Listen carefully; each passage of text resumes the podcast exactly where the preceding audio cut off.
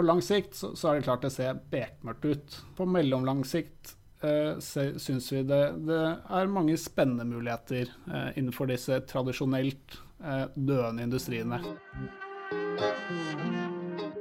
Informasjonen i den podkasten skal ikke ses på som investeringsråd. Tenk at eh, plasseringer i verdipapiret bestandig medfører risiko, og historisk avkastning er ingen garanti for framtidig avkastning. Paretopodden har kommet til episode 60, og denne gangen så er det oljeservice, rigg og brune sektorer på Oslo Børs vi skal ta for oss. Med meg i studio så har jeg aksjeanalytiker Kristoffer Mo DG. Velkommen i studio. Takk skal du ha.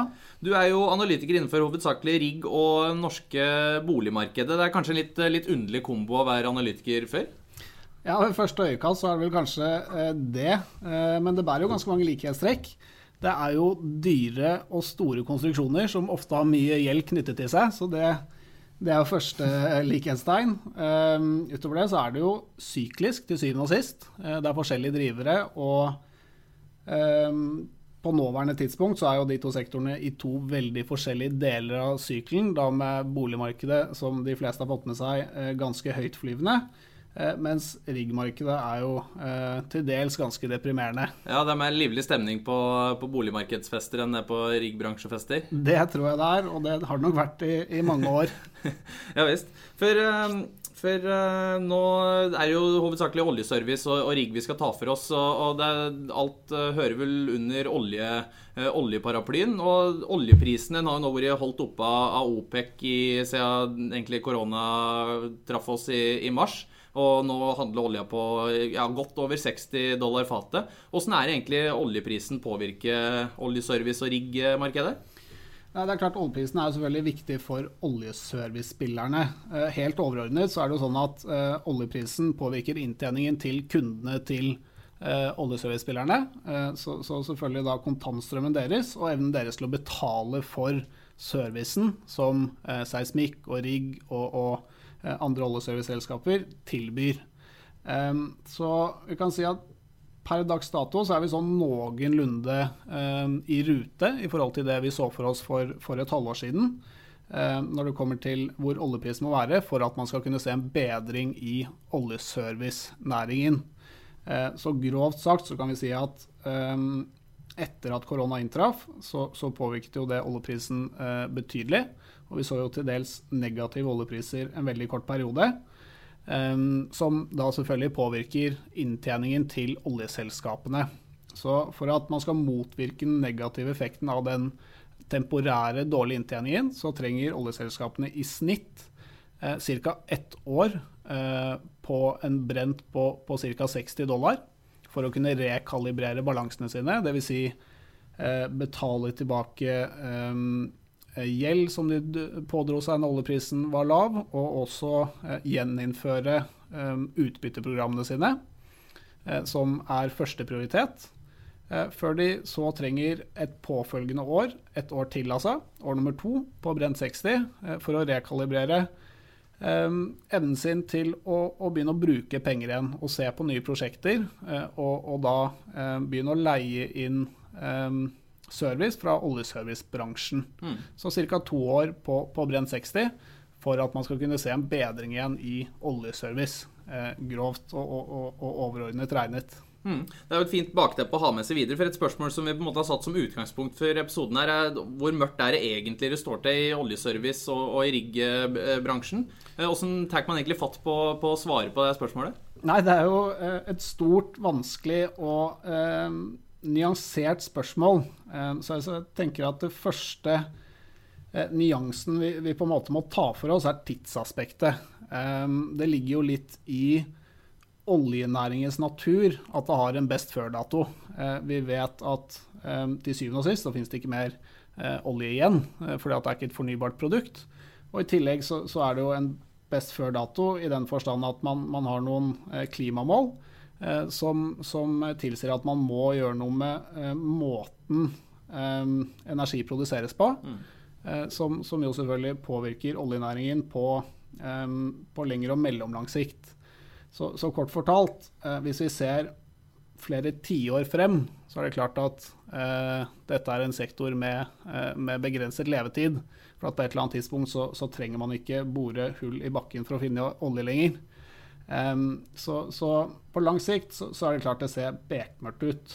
Um, når det er sagt, så er det jo uh, på kort og mellomlang sikt uh, sånn at når oljeprisen kommer opp, så begynner man å se uh, litt lys i, i, i sektoren. og på mellomlang sikt syns vi det, det, er mange spennende muligheter innenfor disse tradisjonelt døende industriene. Mm. Ja, for det er, jo, det er, jo, som kjent på bunnen en bør kjøpe, og nå, nå er prisinga altså, Kan si den begynner å virke attraktiv? da? Ja, det er, jo, det er jo et veldig viktig aspekt, dette også. selv om de lange linjene ser mørke ut, så, så, må man jo se prisingen sett i forhold til hva man kan tjene på mellomlang sikt. Og det da igjen mot prisingen av, resten av aksjemarkedet også. Som sikkert veldig mange av lytterne våre har fått med seg, så er det en god del vidløftig prising, særlig innenfor fornybar- og, tech-sektoren på Oslo Børs nå. Så, så, resten av aksjemarkedet, eller deler av aksjemarkedet, kan sies å være ganske dyrt priset.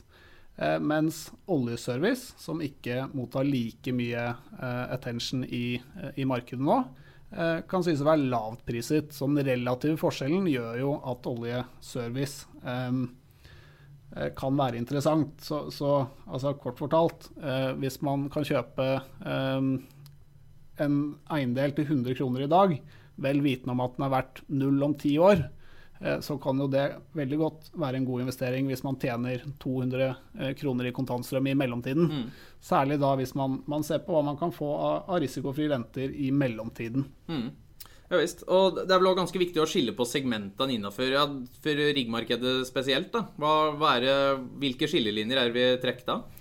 Det er helt riktig. Eh, det, det, en ting er tidsaspektet. En annen ting er Eh, undersegmentene i riggmarkedet som har forskjellige tilbud og etterspørselsbalanser seg imellom. Eh, og veldig ofte så skiller vi jo på det internasjonale riggmarkedet eh, og markedet for rigger som kan operere i værutsatte områder.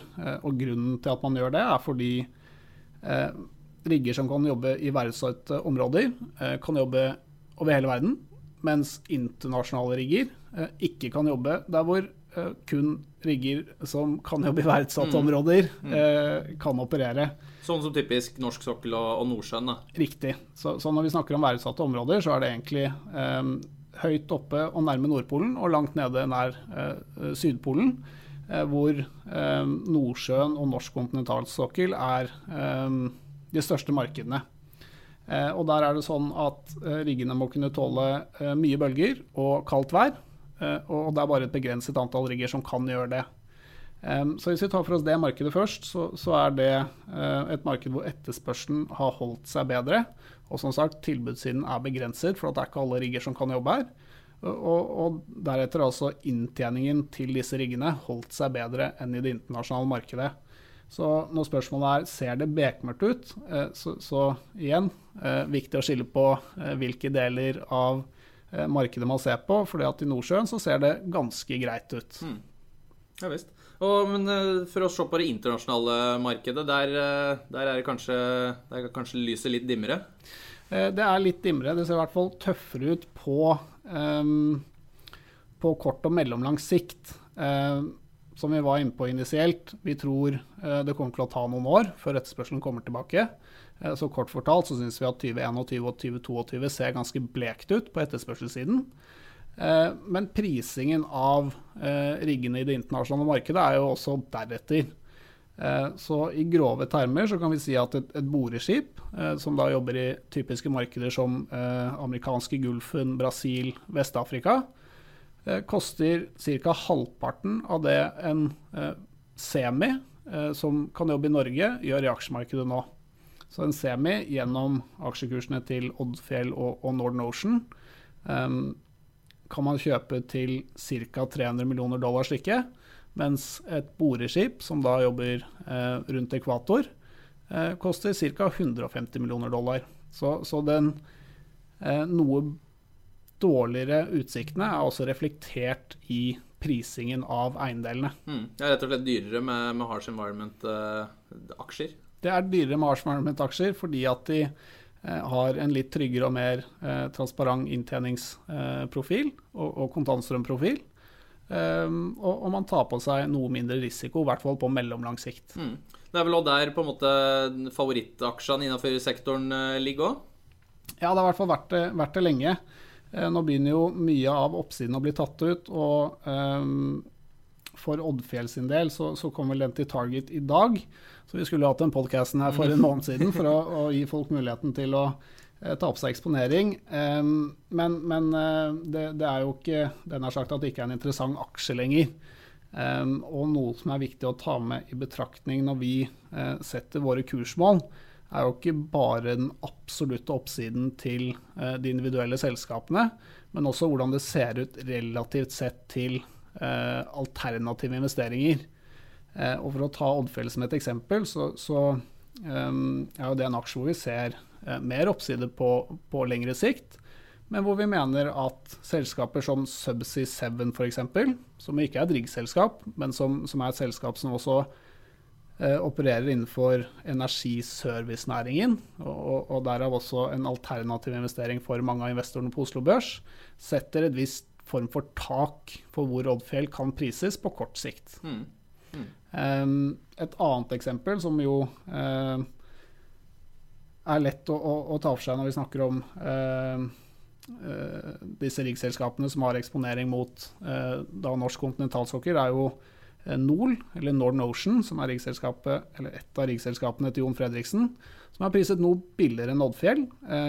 De annonserte veldig nylig at de nærmer seg en løsning eh, knyttet til gjeld de har overfor Seadrill. Og, og, det er sikkert veldig mange som steiler når man sier Seadrill og, og rigg. For det er klart at det er et selskap um, som, som, har det litt tøffere på kort sikt.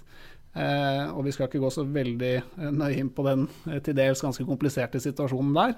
Uh, men um, det er en, en, løsning som hvis den sluttføres, kan slå veldig positivt ut på egenkapitalverdien til Northern Ocean.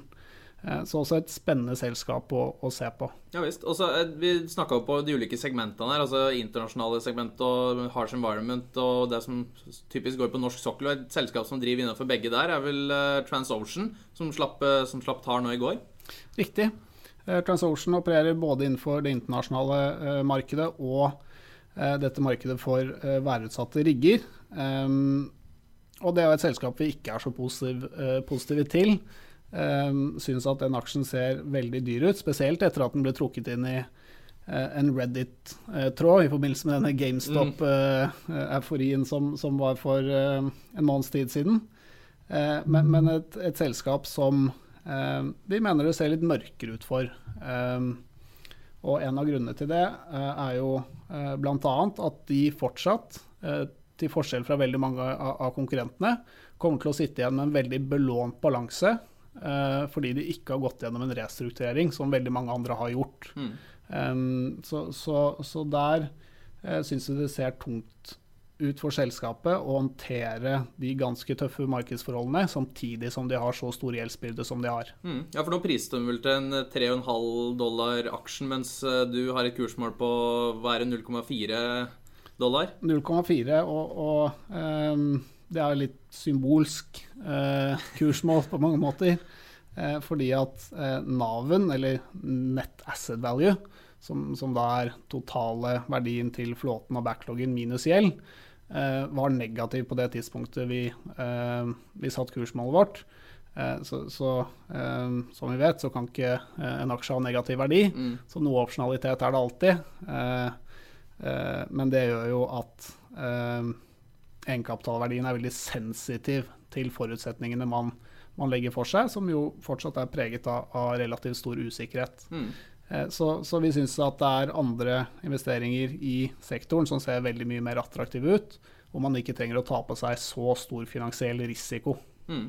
Seismikkbransjen er jo en annen sånn bransje som går inn under oljeservice-paraplyen. og ble av Tor Christian Jensen i DN kalt for den mest dødelige bransjen eh, på Oslo Børs. Er det, er det så ille, altså? Eh, ja, altså man kan si, eh, Vi var litt inne på det initielt, hvordan eh, forskjellige deler av oljeserviceindustrien, eller oljeindustrien som helhet, blir påvirket av et oljeprisfall.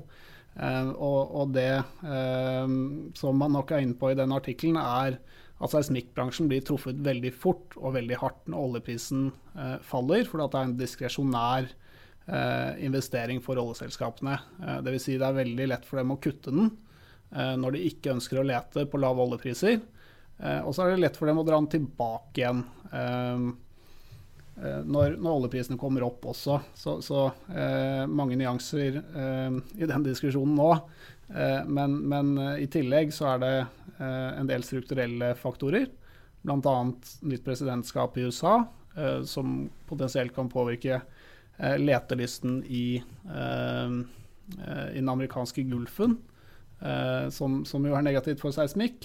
og det at det kanskje er vanskelig å se for seg hvordan man skal anvende den kompetansen som, som er opparbeidet i seismikkselskapene um, innenfor nye industrier, selv om vi jo ser at det er noen av selskapene som også uh, gjør en innsats der. Mm.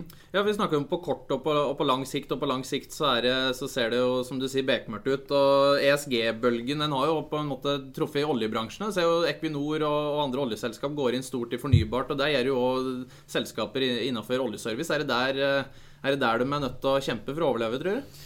Ja, det er, det en, en enda uh, et spennende aspekt uh, oppi det hele. Mm. Uh, for det er jo viktig å skille mellom um, organisasjonene på én side og eiendelene til organisasjonene på den andre.